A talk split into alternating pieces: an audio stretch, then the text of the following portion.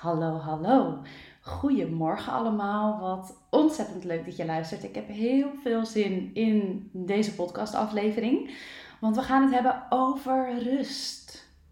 En voor mij als manifester is rust echt de sleutel tot alle creaties. Want als ik niet in mijn dagelijks leven vanuit de stand van rust en relaxedheid creëer, dan is datgene wat ik creëer eigenlijk nooit in lijn met wie ik werkelijk ben en waar ik naartoe wil, wat ik wil. En tegelijkertijd geloof ik ook dat rust een onderwerp is dat voor heel veel mensen uh, goed kan zijn. En vandaar ook dat mijn overtuiging is dat rust prioriteit moet verkrijgen boven de drukte in ons leven. Voor mij als manifester, maar zeer zeker ook voor iedereen die het gevoel heeft dat ze nog wel eens iets te druk zijn. Dus we gaan kijken naar ook die tegenhanger, die drukte, de stress, de spanning. En ik bespreek een aantal simpele, effectieve mogelijkheden om die rust wat meer prioriteit te geven in je dagelijks leven, waardoor je beter de rust kunt bewaren in alle dingen die je doet. En aan het eind, helemaal aan het eind van deze aflevering, geef ik mijn lievelingstip. En dit is echt een tip. Ik doe dit zelf al heel lang. Ik heb hier ook al aardig wat mensen mee geïnspireerd. Deze tip is voor mij echt de Rolls Royce onder het creëren van rust in je dagelijks leven. Dus gun het jezelf om te blijven hangen tot het eind. Want aan het eind ga ik hem met je delen natuurlijk. Ehm, en verder wens ik jou heel veel uh, luisterplezier. Um, zoals ik in de vorige podcast al aangaf, ik ga zorgen dat de podcast een beetje op elkaar voortborduren. Dus dit is een ja, ik probeer even de brug te slaan met de vorige podcastaflevering waar we het hebben gehad over divine guidance, over het ontvangen van antwoorden van oneindige intelligentie. En wat is nou de brug met rust? Nou, je kunt je misschien voorstellen dat in een staat van rust en ontspanning kun je de antwoorden gemakkelijker tot je laten komen, want je hebt daar meer ruimte voor. Je kunt dus ook beter, je bent in staat om beter te onderscheiden welke antwoorden van divine guidance komen en welke misschien vanuit het ego of vanuit de mind. Sterker nog, ik geloof dat rust misschien wel precies de staat is waarin je wil verkeren om die antwoorden te ontvangen. Dus er is heel veel te zeggen voor het creëren van rust. Dus ik zeg, let's dive right in. Sit back, relax, of als je aan het wandelen bent, loop ontspannen en here we go. Oké, nou, we worden er ons er steeds bewuster van hè, dat niemand gebaat is bij een te druk leven. Het is niet meer zo aantrekkelijk ook als je iemand ziet die alle dagen heel druk is. Of, of het is ook niet meer opwindend om constant aan te staan. Zonder dat je ergens echt een commitment aan durft af te geven of betekenis aan kunt geven.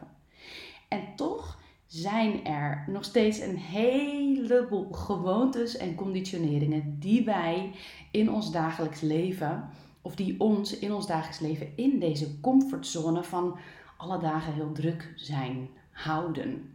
en daarmee reageren we dus nog vaak op onze buitenwereld.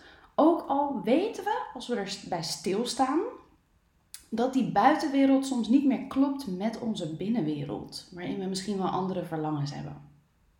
Nou, in deze aflevering uh, gaan we dus kijken naar de belangrijkste sleutels als het gaat om het op één lijn brengen van die binnen- en die buitenwereld. Door het creëren en bewaren van rust. Maar voordat we naar die rust kunnen gaan, is het goed om eerst naar de tegenhanger van rust te kijken. De tegenhanger van de rust die we hopen te vinden, namelijk spanning en stress. En spanning zou eigenlijk een alarmbel moeten zijn, dus een signaal dat er iets niet voor ons werkt. Maar in plaats daarvan zijn we vaak geneigd om ons in bochten te gaan wringen om het liefst zo snel mogelijk van die spanning af te komen.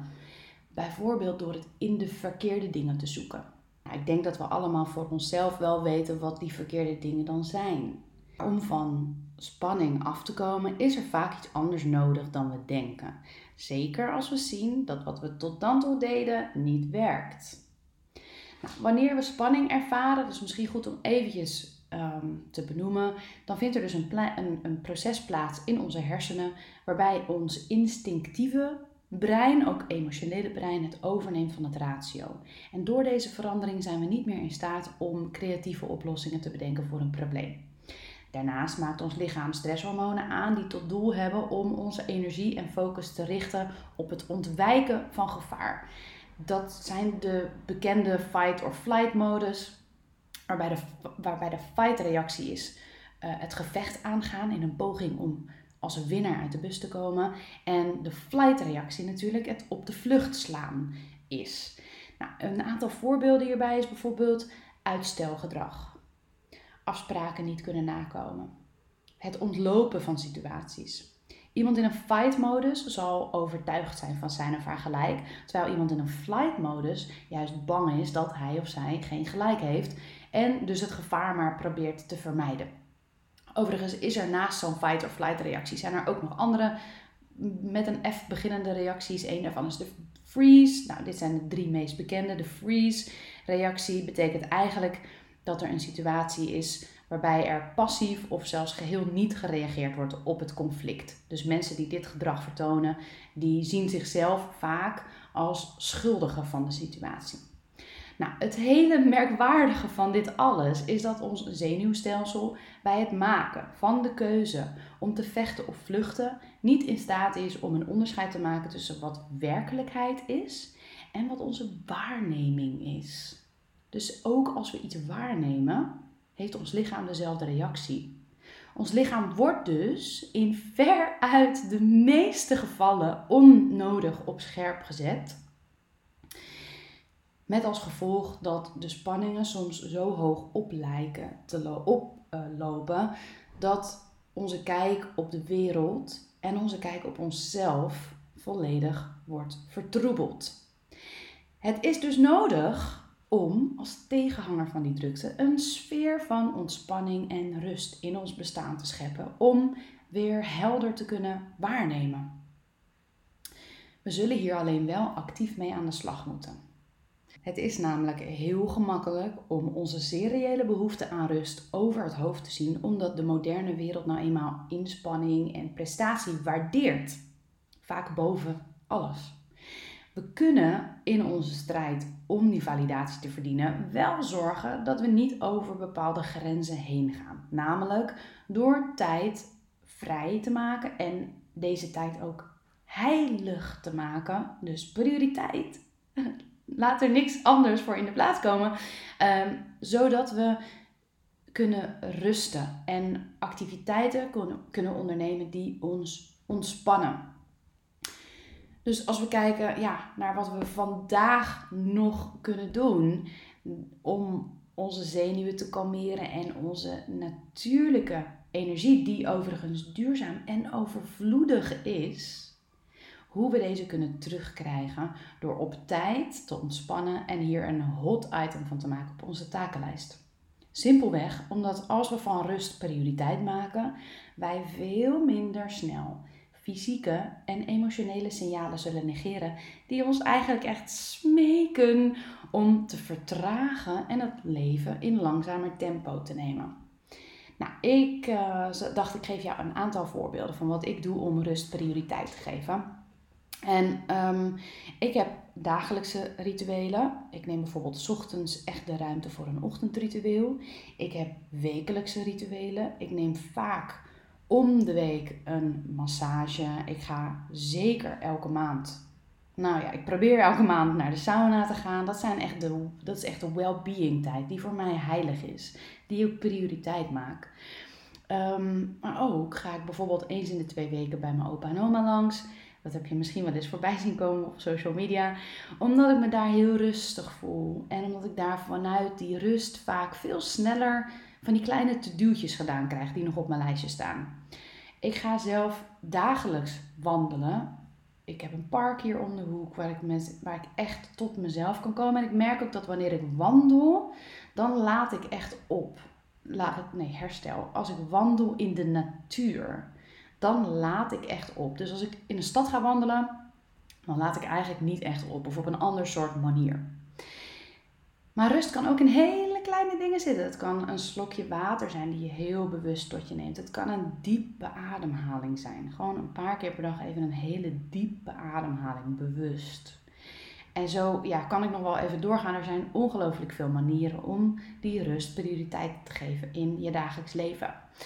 Ehm, maar zoals beloofd, de Rolls Royce onder het creëren van rust ehm, in je dagelijks leven is voor mij, hier komt die, de niets hoeft, alles mag dag. De niets hoeft, alles mag dag. Elke zondag hou ik volledig vrij. Dus ik maak geen afspraken, ook niet met mezelf. En ik sta op en ik laat de dag voor me werken. Dus ik ga niks plannen, nooit. Ja, tenzij ik een verplichting heb, een familie, iets of whatever. Maar doorgaans hou ik deze dag vrij. Het is mij niets hoeft, alles mag dag. Ik mag dan dus alles en ik hoef niks van mezelf. En dat heeft, het zorgt er voor mij echt voor dat ik weer refreshed, revitalized en in tune with life op maandag aan mijn week kan beginnen. En zoals ik zei, er zijn aardig wat mensen die door mij geïnspireerd zijn geraakt om dit ook te implementeren in, ons dagelijks in hun dagelijks leven. Dus ik nodig je uit om dit ook te gaan doen. En ik hoor natuurlijk dolgraag wat jouw ervaring eh, hierbij is. Ik ben erg eh, benieuwd.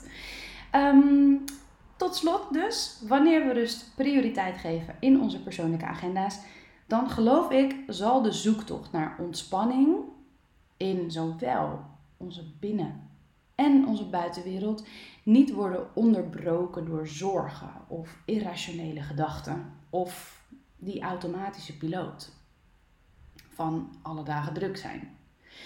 Ik geloof dat wanneer je ervoor kiest om tijd te maken voor activiteiten die jou een relaxed en ontspannen gevoel geven, dan zal de stress die, jij voorheen, die jou voorheen beïnvloeden wegsmelten. Dus mijn laatste vraag is: ben jij er klaar voor om meer rusttijd in te plannen? Laat me weten wat jouw bevindingen zijn met betrekking tot de niets hoeft, alles mag dag. Een hele dag voor jou. En daar wens ik je ontzettend veel plezier mee. En mocht jij iets aan deze podcastaflevering hebben gehad, laat het me weten. Je kunt mij vinden via Instagram, daar ben ik Dorien Lagenstreep van den Berg. En ik hoop jou volgende week weer te treffen in uh, mijn podcast. Bye!